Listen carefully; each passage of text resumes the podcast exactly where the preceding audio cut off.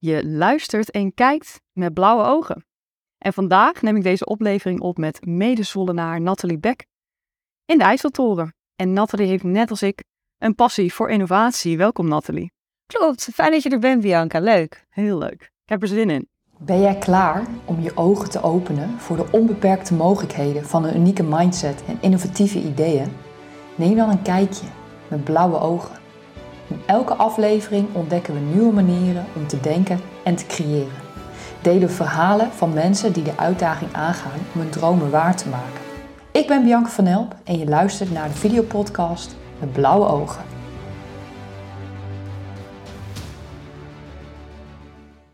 Je bent medeoprichter en directeur bij Blue M, 47 jaar. En je hebt een bedrijf dat zich richt op mondverzorgingsproducten op basis van actieve zuurstoftechnologie. Maar naast je bedrijf best wel een uh, druk leven. Samen met je man heb je gezin met zes kinderen, waarvan vier bonuskinderen. En ook nog een gastgezin, ben je ook nog gastgezin voor een jongen die bij PEC Zwolle voetbalt. Dat klopt. Druk leven. Druk leven, nou inderdaad. Een diep gewortelde wens voor gezond leven. Ik ben heel benieuwd waar dat, uh, waar dat vandaan komt.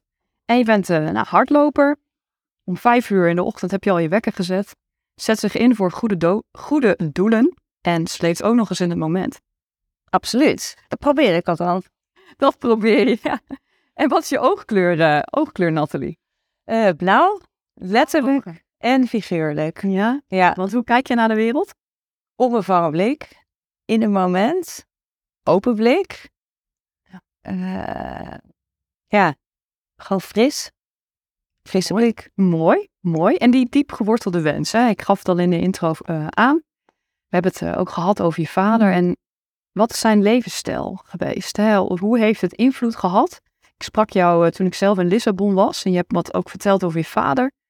Hoe, hoe is die levensstijl van je vader geweest? Ja, de, het leven van mijn vader, dat is voor mij echt wel de belangrijkste motivator voor gezond leven. Ja. En mijn vader die was is jong overleden, hij was 59. 59? Ja. Dat is jong.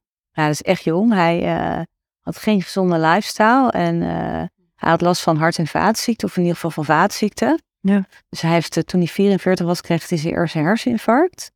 En dat kwam eigenlijk omdat hij ja, gewoon een ongezond leven had. Heel veel stress.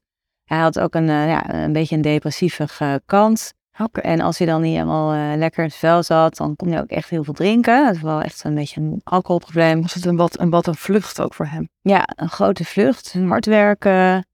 Uh, hij rookte ook uh, één tot twee pakjes sigaretten per dag. Dus dat was natuurlijk gewoon intens slecht. En hij had ook gewoon geen, hij had veel stress en geen gezond leven. Geen, hij sportte niet. Ja, dus nadat hij die, die hart- en vaat, of die zijn eerste herseninfarct had gekregen, ja, ging het gewoon echt heel erg bergafwaarts met, met hem. Ja. Hij kwam, werd halfzijdig verlamd, hij kwam in een rolstoel. Wow. Uh, en hij, die doorbloeding die werd steeds slechter. En uh, nou, hij had, uh, eerst ging zijn voet eraf en toen een stuk van zijn been. En toen boven de knie. Hij heeft in totaal heeft hij zes amputaties gehad. Kon hij daarmee omgaan? Ja, moeilijk. Maar hij was heel erg bang om dood te gaan. Dus, dus hij wilde aan de ene kant wilde hij zo lang mogelijk in leven blijven. Maar hij heeft er niet zoveel voor gedaan om dat te realiseren. Nee. Dus dat was, uh, ja, het was heel heftig. Ik heb er nu een beetje lachen gehad, maar het was eigenlijk een mega keerpunt in mijn leven. Want ik was begin dertig. Ik zat aan zijn sterfbed. Ik was net zwanger van mijn oudste zoontje.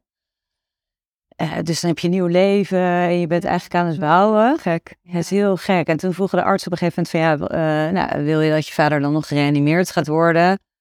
Want uh, ja, we moeten wel zeggen, hij is dan 59, maar hij heeft het lichaam van een 80-jarige. Ik zou, come again. Het lichaam van een 80-jarige, ja, hij heeft zichzelf zo uitgeleefd dat hij lichamelijk een lichaamsleeftijd had van 80.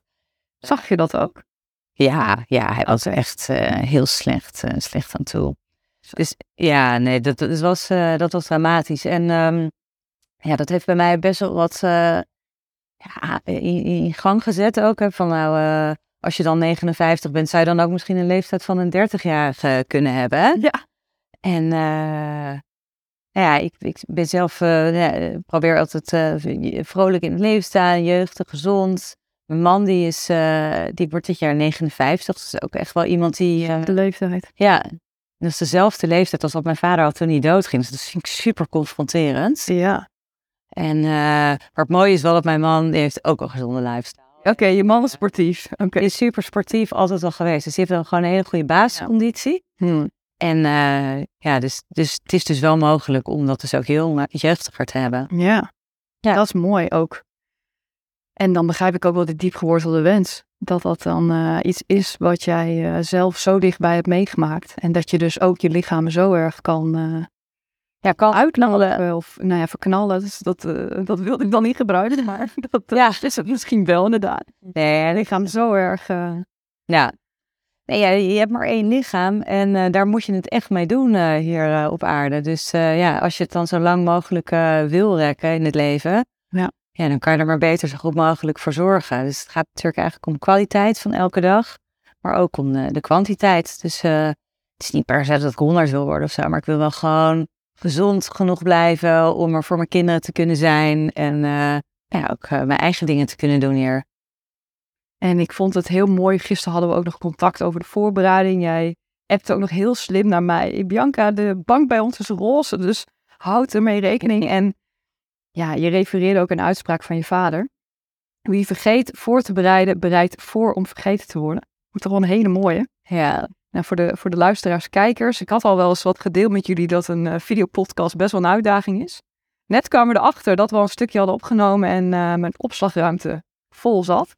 het ik altijd wel eh, aan je vader denken. Hij heeft ons al gewaarschuwd, hè? Dat, Nou ja, volgens mij heb je- als je goed, eh, als je goed voorbereidt, was het gewoon een valletje pech. Ja. Ja, maar dat is wel grappig dat dat nu eigenlijk ter sprake komt. Want het gaat natuurlijk ook heel erg over in het moment leven, hè? want daar hadden we het net kort Ja. over. ook heel. Ehm, Ja. Hoe je met pech omgaat, dat is ook in het moment leven. Hè? Dus je kan nu meteen denken, ja jeetje, en ik heb niet goed voorbereid. En eh, dat je helemaal bij de pakken gaat neerzitten. Maar uiteindelijk, eh, Einstein die zei het, je kan, er zijn twee manieren om naar het leven te kijken. Je kan naar het leven kijken alsof niks een wonder is. En je kan naar het leven kijken alsof alles een wonder is. Eh, hoe je naar het leven kijkt en hoe je ook in het moment staat, bepaalt hoe jij leeft en eh, wat er gebeurt in je leven. Hè, dus natuurlijk kan je zeggen, ja, maar er overkomen me dingen. Ja, nee, tuurlijk overkomen je dingen, maar hoe je daarmee omgaat, dat bepaalt uiteindelijk hoe je in het leven staat en wat er, eh, wat er met je gebeurt. Maar ja, het, is, het klinkt makkelijk. En ik vind het heel mooi dat je dat eh, zo vertelt. Maar hoe doe je dat? Hoe zie, hoe zie jij dat? Ja, dat is, eh, voor mij begint dat door, hè, om in de woorden van mijn vader te blijven, wie vergeet voor te bereiden, bereidt voor om vergeten te worden. Eh, je moet je eigenlijk elke dag voorbereiden op de dag. Is dat ook die vijf uur eh, wekker van jou? Ja, Echt? daarom zet ik de wekker zo vroeg. Zodat ik echt al, ja, nee, dat valt wel mee. Maar ik ben natuurlijk ook niet in één keer om vijf uur wakker geworden op een ochtend. Ik dacht, nou, joh, ik ga om vijf uur wakker worden. Ja. Maar dat heb ik ook gefaseerd eh, gedaan. Maar ik bleek, voor mij bleek het gewoon heel erg prettig eh, om extra tijd in de dag eh, te stoppen. voor- waarbij ik ook dat moment pakte. Want in de ochtend dan, ja, je hersens zijn nog niet zeg maar zo vertroebeld en belemmerd door al die beta brainwaves en al die structuren, en prikkels en dingen waar je eigenlijk in moet zitten. Ja.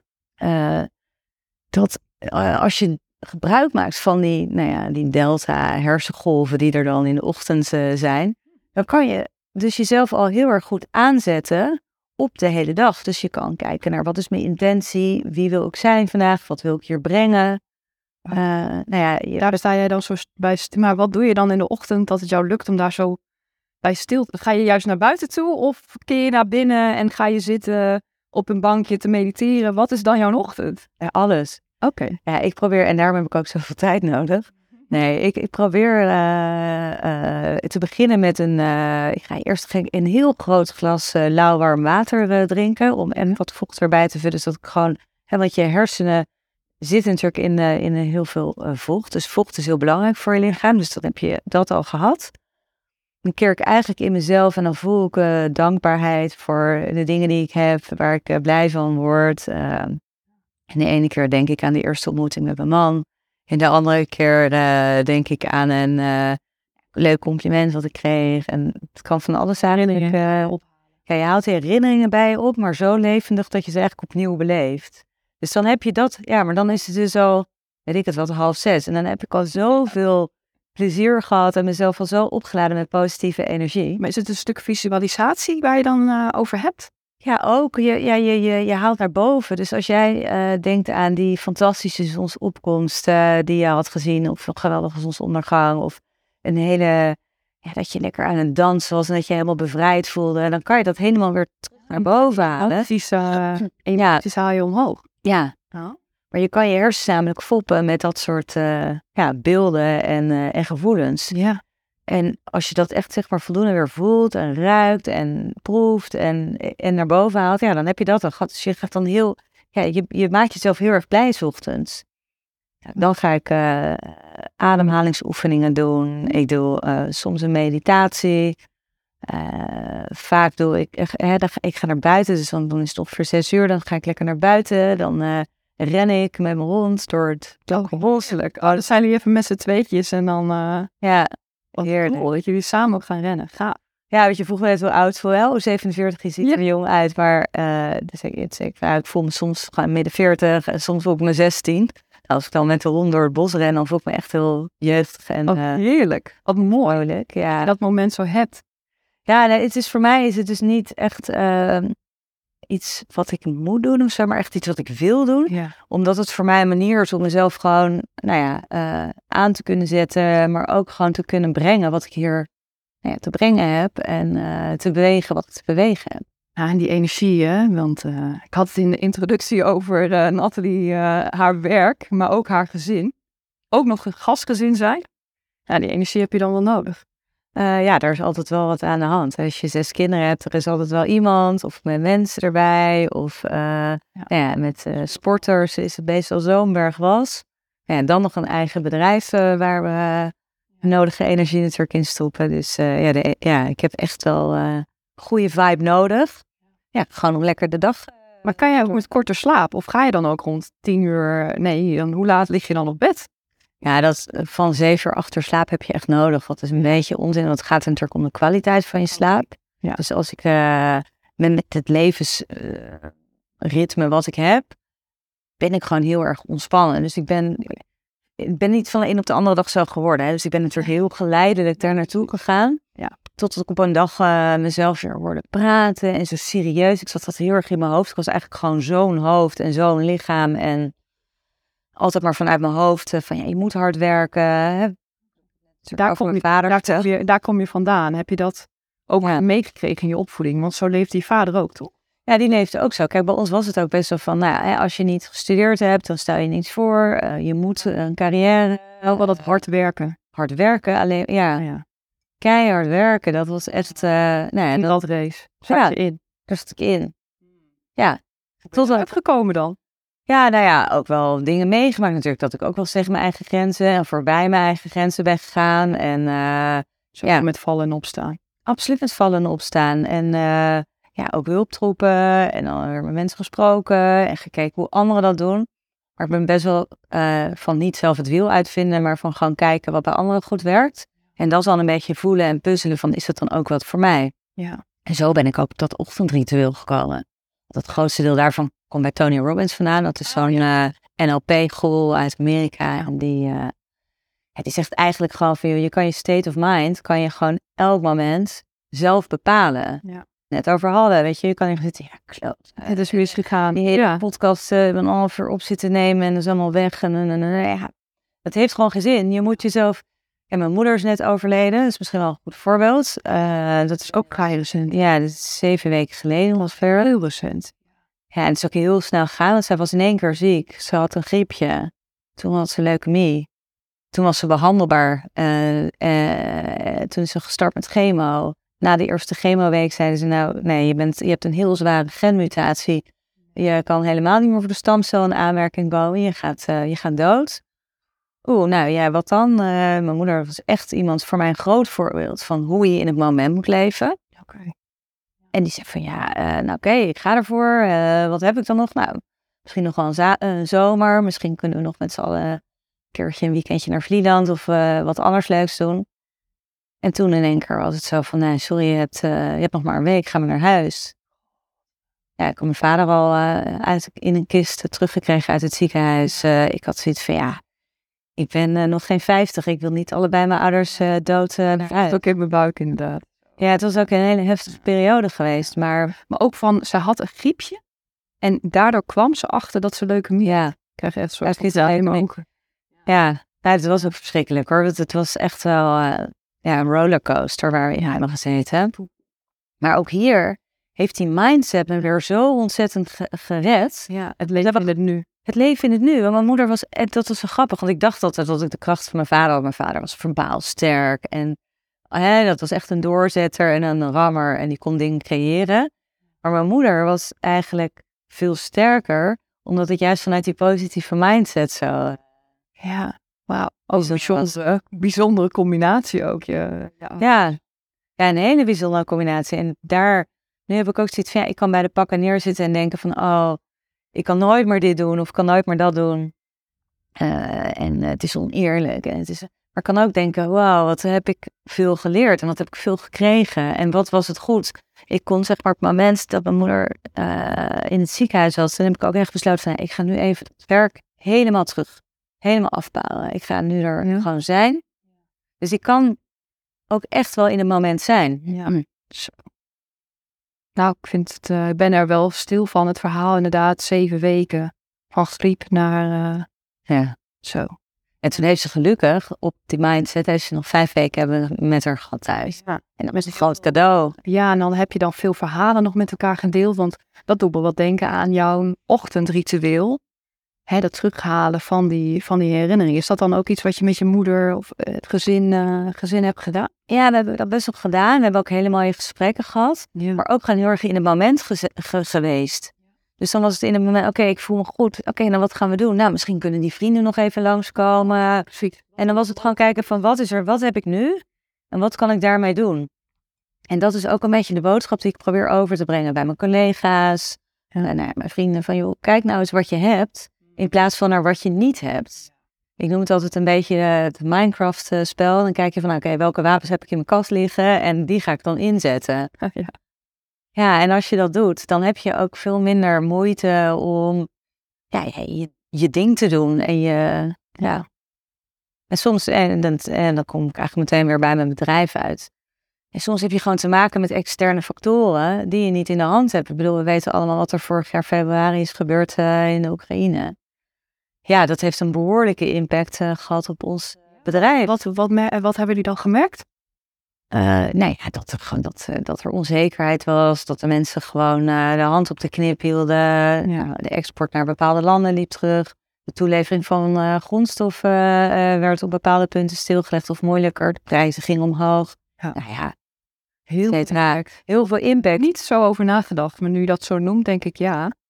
Ja, en dan is de vraag, hoe ga je er wel weer mee om? Hè? Dus dan kan je gaan kijken, oh shit, dit, niet dat. Ja, dan moet je gewoon snel kunnen schakelen. Nou, we hebben gewoon eh, behoorlijk gesneden in de kosten. En dat komt gelukkig. Dus we zijn een klein flexibel bedrijf.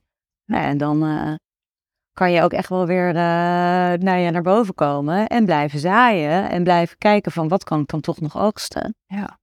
Wij hebben dus een internationale, internationale markt dus met jullie product. Goed. Ja, het is misschien wel goed om wel even te vertellen hoe, eh, hoe we er zo bij zijn gegaan. Ja, want, het ook met die actieve zuurstoftechnologie. En dan denk ik, wat, wat houdt dat dan in? En hoe ben je er zo ingerold? Want ik begrijp inderdaad nog niet helemaal, wat is jouw...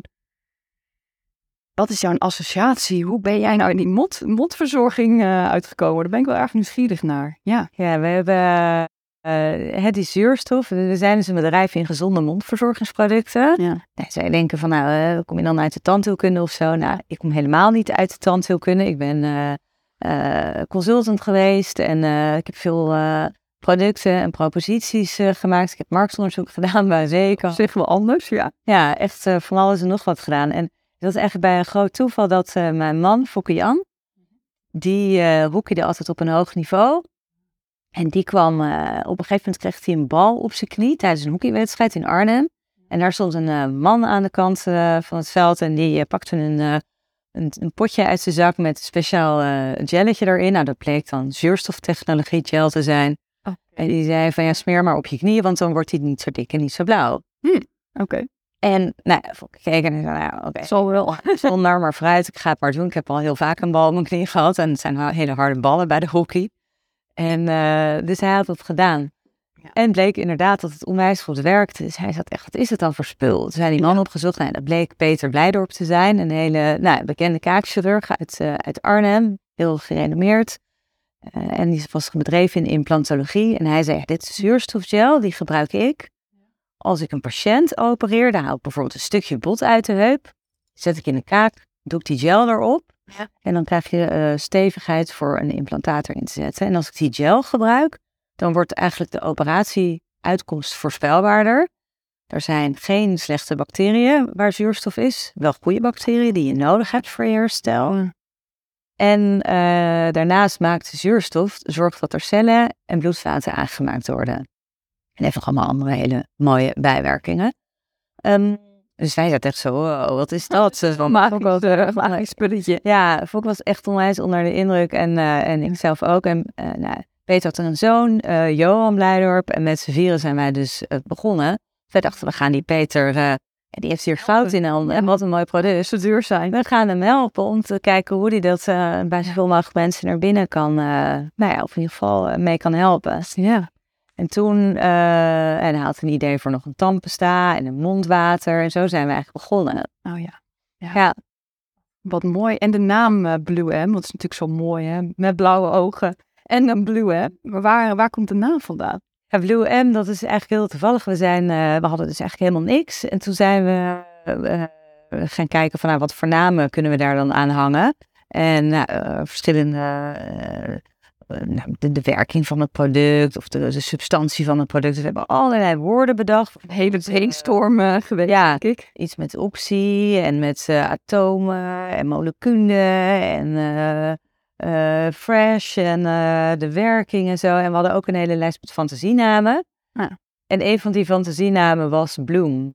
En dat vonden we wel, eh, wel vrolijk klinken en dat leende zich ook wel Ja, voor een soort Dat Ja, is ook heel, eh, klinkt ook mooi, ja. ja, dus eh, dat, eh, dat uiteindelijk hebben we met heel veel mensen en klanten en tandartsen en mensen, nou, zijn we daarmee, hebben we tot een soort shortlist gebracht, een klein lijstje met namen. En toen kwam Blue M eruit, of althans Bloem, wat het toen nog heette. En een vriendin van mij, dat was een, een designer uit Amsterdam. En die eh, zei van ja, ik kan wel wat mee. En dan maken we van die M een soort kies. En dan van die E een beetje zo'n lachend gezichtje. Eh, en eh, ja, dat, dat leent zich wel. Dus dan hadden we unaniem voor Bloem gekozen. Nou, wij Helemaal blij met die naam. helemaal blij. Ja, Ja, het dus hele, kan een hele exercitie zijn om een naam voor een product te bedenken, kan ik me voorstellen. ja nee, was het Maar het brengt best van dit uit, toch? Want nu heb je het over Bloem. Ja, nee, we begonnen met Bloem. Ja. En eh, het is inderdaad nu Blue M, maar heel veel mensen die zeiden toen al Blue M of Bleum. Of nou, mensen wisten echt eh, niet hoe ze moesten uitspreken. En toen kwamen we, want we, we zijn vrij snel met ons bedrijf naar het buitenland eh, gegaan. Kwamen we in, in Rusland uit, in zeg maar rond 2010 was dat. En daar was een onderzoek gedaan naar de werking van de zuurstof op de mondgezondheid.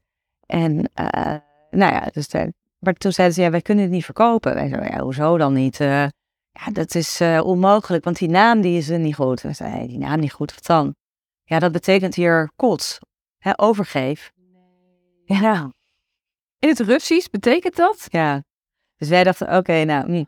Dus toen had die creatieve vriendin van mij, die dacht van, nou weet je, als we nou zeg maar dat ertje gaan verplaatsen, dan maken we er Blue M van. Want heel veel mensen noemden het toch wel Blue M en dan is het niet meer, eh, dan is het niet meer op de kot. Ja, die M. Want dan moet je dat mondverzorging, of wat, eh, wat betekent dan de M? Ja, daar hebben we ook best wel eh, nou ja, over gedacht van ja, wat zou dat dan zijn. Maar we weten, we weten natuurlijk al lang wat het is. Want het gaat natuurlijk over de magische werking van onze producten. Dus het is eigenlijk blue magic. Maar ja, mensen geloven ook niet meer echt in de magie. Dus Mensen geloven niet meer in de magie? Wat ben je daarmee? nou ja, als je zegt van eh, ik- eh, het leven is een wonder en eh, magische dingen. Dan zeggen mensen, nou, doe nou maar normaal. Blijf maar lekker aards. ja, Het is veel te zweverig. veel te zweverig. Ja, hoor je dat wel eens? Dat mensen je wat zweverig vinden? Nou, ik weet niet. Ja, ik hoor het wel eens. Van Ja? Ja, dan denken mensen. Kan ook mijn eigen gevoel zijn, hè? Maar zeggen ze, ze dan iets? Of voelt dat zo? Of hoe merk je dat? Nou ja, kijk, hè, wat, ik, wat ik net zei, eh, wat, in Einsteins woorden, het leven is een wonder. Je kan het leven als een wonder zien. Ik ben echt wel een voorbeeld die het leven als een wonder kan zien. Ook al is het gewoon, eh, sta ik in de stront bij wijze van spreken, of eh, gebeurt er iets anders vervelends. Ja. Dan kan ik het wel echt als een wonder zien. En kunnen sommige mensen denken, ja, ah, weet je, heb je haar weer met haar positieve gedoe. Oh ja. Oh. ja, gaat maar maar niet zo uit. Hm. Ja, het is wat het is dan, denk ik. Dus, eh, dus Maar en dat je daar ook wel mensen mee kan nemen, toch? Met, eh, merk je ook dat je, nou bijvoorbeeld in je bedrijf of in je gezin, dat je mensen ook kan meenemen en, en die positieve blik op de wereld. Ja, dat denk ik wel. Ik denk dat mensen wel eh, daardoor aangeraakt kunnen worden. Ja, en daarnaast, weet je, ik zeg altijd Marcel, als iets wrijving bij je oplevert, dan heb je iets uit te zoeken. Oeh, ja? Want waarom, want waarom vind je dat? Waarom zou je dan iets uit moeten zoeken met wrijving? Nou, als jij eh, bijvoorbeeld heel erg aan gaat stellen dat ik bijvoorbeeld iets tegen je zeg van, eh, nou ja, dat, dat, je, dat, je, dat, je, dat je het positiever kan zien of weet ik wat, en jij raakt geïrriteerd van binnen, dat je denkt, jezus, vijf loopt niet zo te zeiken met je positieve Oh ja. instelling. Want ik heb het nou eenmaal moeilijk en eh, jij gaat in mijn schoenen staan, want jij weet niet waar ik vandaan ben gekomen. Dan, kan je, dan zie je jezelf eigenlijk onbewust als een slachtoffer. Eh, dus ik zeg altijd maar zelf, als ik getriggerd word, ik word natuurlijk ook wel best wel vaak, vaak nou, steeds minder gelukkig, word ik ook wel getriggerd. Ben je ook gewoon mens? Nee, ik ben absoluut gewoon mens. En eh, ik ben ook echt niet van de ene op de andere dag gekomen waar ik nu, eh, waar ik nu ben. Maar dan, dan, ja, dan als ik getriggerd word, door, eh, ik heb bijvoorbeeld een thema om buitengesloten te worden, vind ik echt vreselijk. Als ik, buiten, als ik het gevoel krijg dat ik buitengesloten word, dan kan echt mijn hart breken. Wat, wat voel je dan? Is het dan irritatie, teleurstelling? Wat is dan die wrijving bij jou? Ja, dan kan ik echt, eh, dan kan ik wel echt een beetje eh, soms een wanhopig gevoel krijgen of zo. Van, nou, ook verdrietig. Dan denk- kan ik echt denken, gatsie, ik, word, ik voel me buitengesloten. En als ik dan denk van, oh ja, hey, dit is weer, eh, dit is weer zo'n wrijfmomentje. Oh, dan kan ik er weer eventjes naar kijken. Denk ik van, ach ja, je bent het ook gewoon waard om... eh, En, en eh, komt dat ergens vandaan, dat buitengesloten gevoel? Heb je dat meegemaakt? ja, dat is oud, oud zeer. Ja. Oh ja. Ja, als je dan... Zo'n wond die soms toch nog even ja, wat open gaat. Ja, en dat de ene heeft het op buiten gesloten worden, de ander heeft het op niet gezien worden of niet serieus genomen of, of voelen. het kan van alles zijn. Op het moment dat je dat voelt, dan weet je moet je eigenlijk denken van, oh, dit is een signaal dat ik nog wat, eh, dat ik nog wat eh, Mm. nou kan ontwikkelen en kan groeien. En wat doe, ja, kan je ons een tip misschien geven? Want wat doe je dan als je die wrijving voelt? Wat zijn dan... Ja, dan soms neem ik het mee in een, in een meditatie of als ik met mijn boswandeling neem ik het mee. Of ik kan het ook wel eens eh, meenemen voordat ik ga slapen. Dat ik bijvoorbeeld denk van nou, eh, hè, wat, eh, hoe kan ik nog eh, meer me betrokken voelen in deze situatie? Hè? Dat je echt je onderbewustzijn ook aan de gang zet Hm. op een bepaald thema. Maar het helpt soms ook gewoon heel erg om even lekker van je af te schrijven. Weet Oh je? ja. Dat, eh, ja, dan denk je van nou oké, het is weer weg. Vertrouwen toe aan het papier. Ja. Soms eh, schrijf ik het ook wel eens op een papier en steek ik het in de fik. En denk ik, ja, hier de fik erin. De Oké, ik ben er klaar mee. Ja. Ja. Ja, maar voor het slapen gaan. Want ik kan me ook voorstellen, als je er dan voor het slapen gaan mee bezig gaat, dat je dan er heel druk mee bent. Of zorgt het juist voor jou dat je het wat kan loslaten en dan lekker kan slapen? Eh, ja, je, moet je, je moet je opvullen met goede dingen voordat je gaat slapen. Omdat je daar, dat neem je mee in je nacht. Ja. Dus ik ga geen ingewikkelde vraagstukken. Oh, dat is. Oké. Nee. Ik denk daar wel, heb je toch zo naar je plafond staren en... eh, Oké, daar heb je wel het onderscheid. Maar je kan ook kijken van bijvoorbeeld dat je het omdraait en dat je denkt, hé, hey, op welke punten was ik juist heel erg uitgenodigd om wel ergens bij te horen? Oh ja, het was wel leuk dat ik daarbij mocht zijn. Of hey, ik ben daarvoor gevraagd. Hé, hey, dat is superleuk. Oh ja, dus je begint je dag met dat stuk dankbaarheid stilstaan, maar hij maakt hem ook weer rond en sluit je de dag er ook mee af. Ja, dat is denk ik een beetje de trick. Maar toch vind ik het nog wel interessant met dat hele drukke leven, hoe jij er elke keer voor zorgt dat je die momenten toch op de dag hebt. Dat verbaast me toch. Jij slaapt heel kort of denk ik hoe?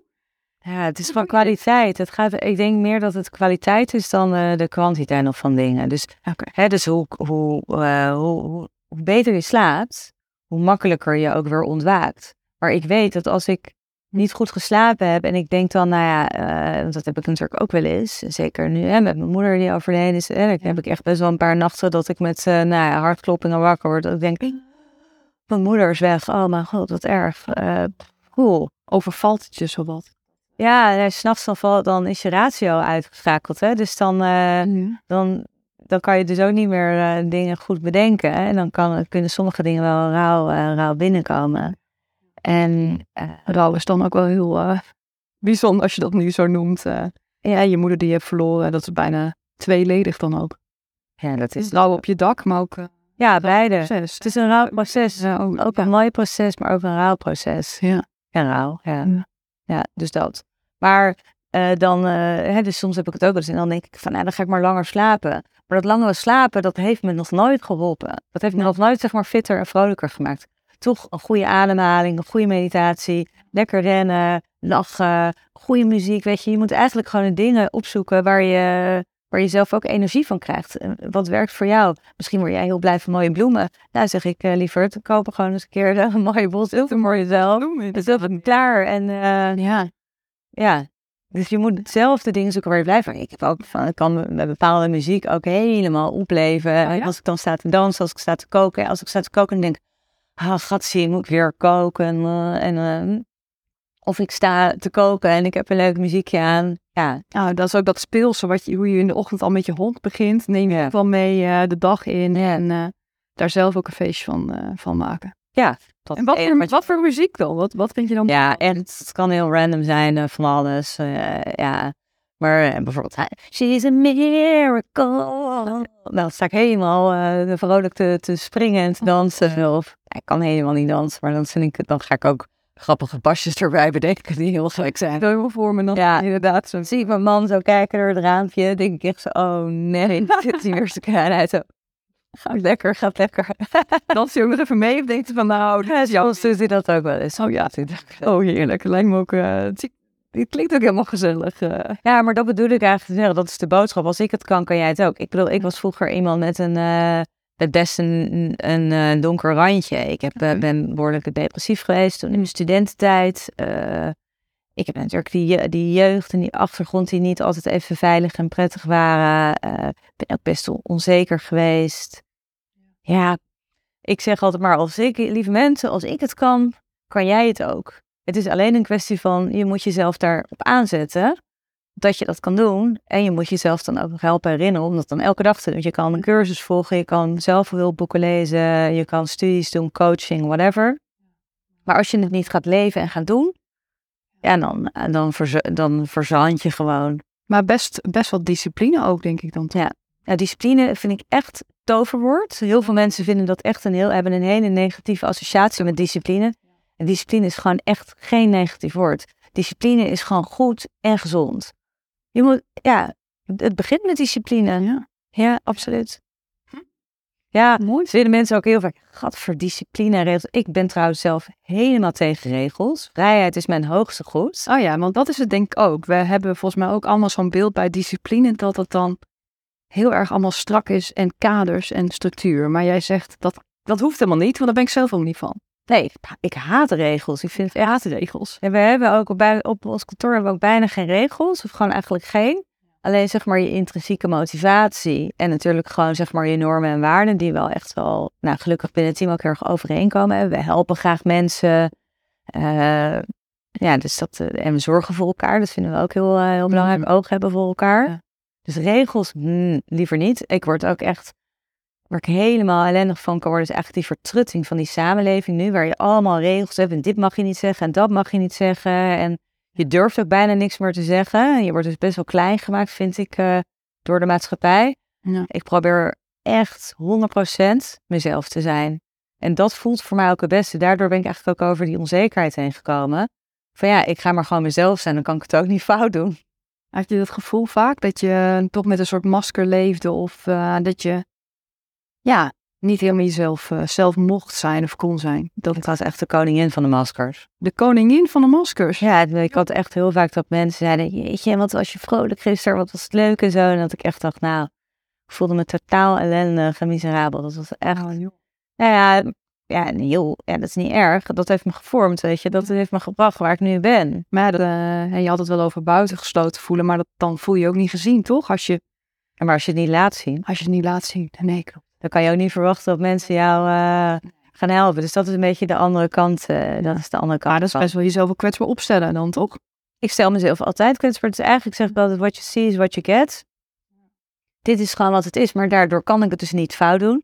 En hoef ik me dus geen zorgen meer te maken over dat ik het fout doe. Oh, nou, klinkt heel bevrijdend. Ja, dat is dus ook heel, ja, maar dat is dus oprecht heel bevrijdend.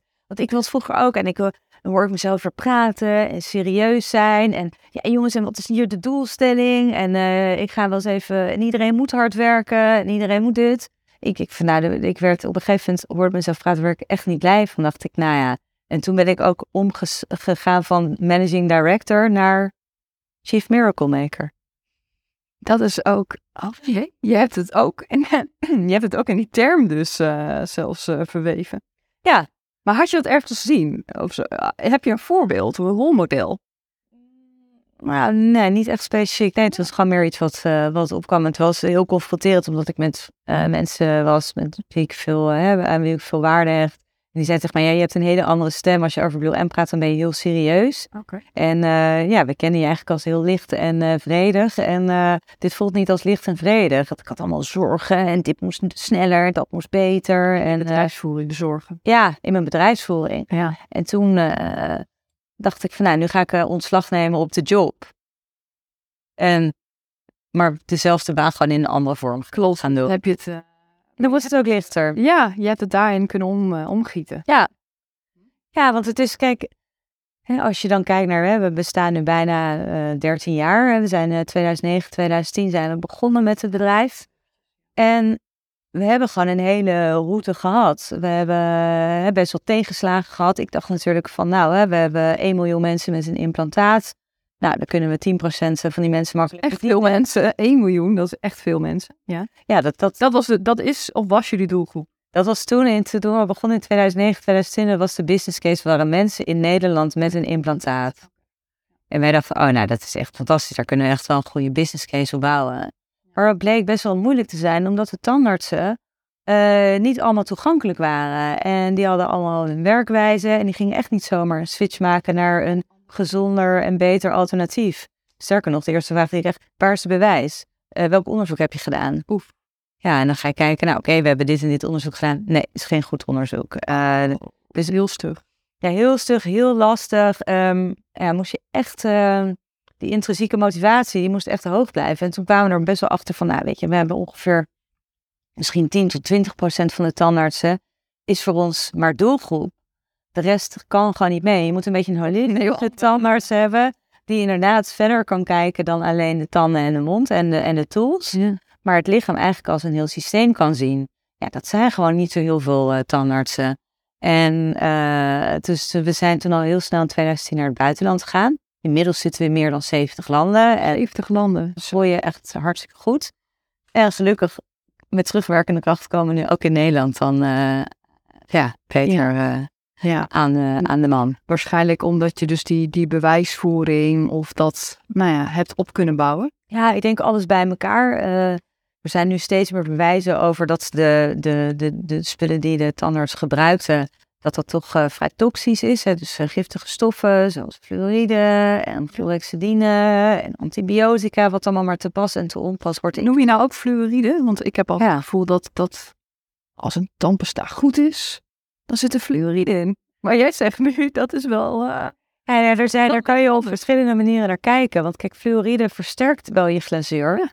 Maar er zit ook een heel slechte kant aan. Want het is een restproduct van de aluminiumindustrie. Dus fluoride zelf is geen goed spulletje. Oh.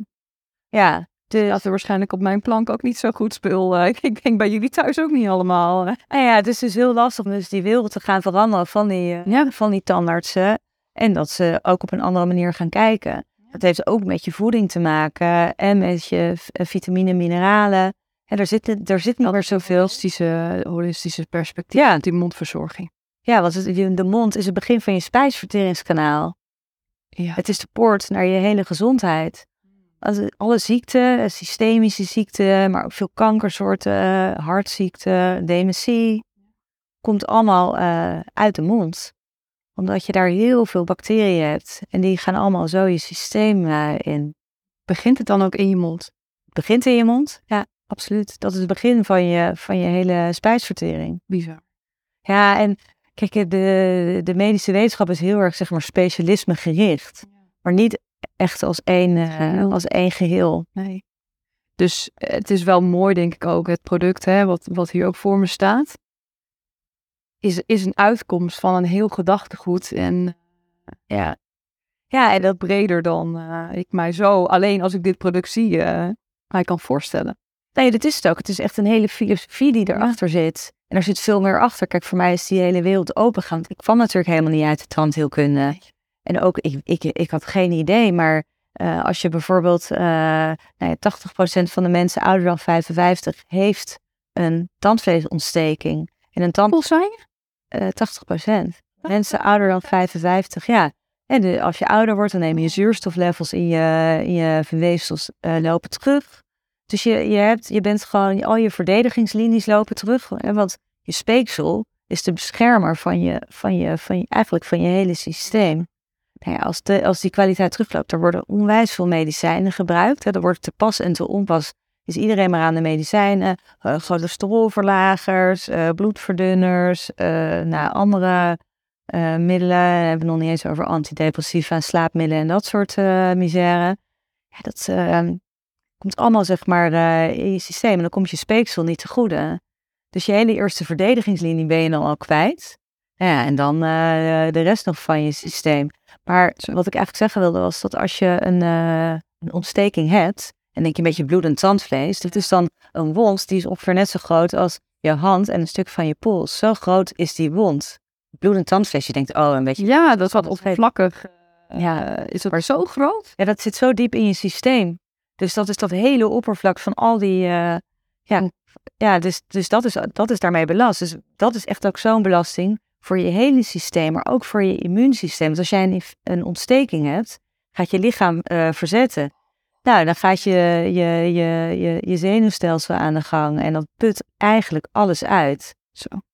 Nou ja, stresslevels hebben ook een onwijze impact op je mondgezondheid. Dus mensen die bijvoorbeeld een, een baan kwijt zijn of een scheiding liggen, financiële zorgen hebben. Ja, dat zie je meteen terug in de mond. Terugtrekkend tandvlees, um, nou ja, slechte adem. Ja, dus het is, je kan het aan de ene kant bezorgen, maar aan de andere kant gaat het om gewoon goed voor jezelf zorgen. Ja. Wat zijn uh, jouw ritueel, Nathalie? Hoe, uh, hoe zorg jij zelf voor die uh, goede mondhygiëne? Ja, dat was ook een beetje door schade en schande wijs hoor. Want ik had natuurlijk ook geen idee. En ik ver, verving mijn tandenborsteltjes eigenlijk ook nooit zo vaak. En ik poetste ook niet echt altijd met goede spullen. Maar gelukkig heb ik nu toegang tot perfecte ritueel en producten. Dus ik begin altijd met, een, met het sch schrapen van mijn tong. Er zitten heel veel bacteriën 's ochtends op je tong. Die zetten zich van vast gedurende de nacht.